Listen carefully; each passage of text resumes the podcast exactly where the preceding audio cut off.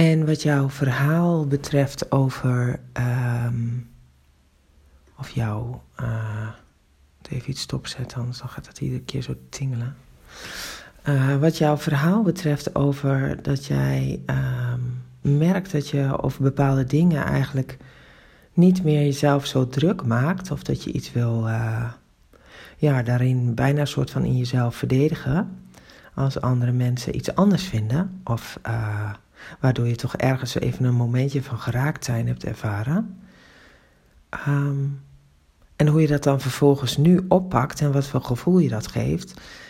Ja, weet je, toen ik dat luisterde en het was klaar, het stukje, het enige wat er uit mijn mond kwam, dat was wauw. Weet je, want dat is toch echt wel het ultieme gevoel van uh, zelfliefde. Dat je zo uh, goed met, met beide benen op je eigen grond kan blijven staan, zonder dat je daarin bij jezelf allerlei dingen gaat zoeken die je dan zou moeten aanpassen, of waardoor je uh, even iets zou moeten nuanceren, inderdaad. Of nee, alles uh, mag daarin gewoon zijn en jij spreekt jouw waarheid en dat is jouw waarheid. En iedereen heeft zijn eigen waarheid en het gaat niet over goed of fout. Dus um, ja, dat vond ik heel mooi dat je dat deelde. En um, ik herken dat ook. Ik herken dat in um, de situatie waar ik me in bevind als het gaat om bijvoorbeeld mijn werk. Of ja, de opdracht die ik nu aan het doen ben. Dat ik heel erg ervaar dat daar waar ik vroeger echt wel een beetje in zo'n strijdstand stond.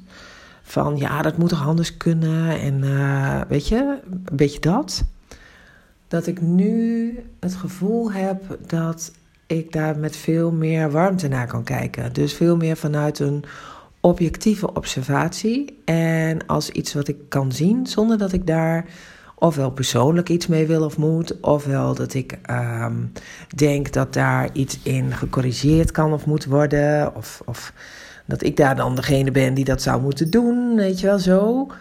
Um, ik merk dat ik, en dat merk ik gewoon echt heel erg, uh, ja, eigenlijk al de laatste drie jaar, dat ik daar veel meer van een afstand naar kan kijken. Zonder daarin heel erg ook meteen te zeggen van, en zo uh, moet het en zo hoort het. Het is uh, veel meer vanuit een stukje begrip dat dingen gaan zoals ze gaan en dat ze gebeuren.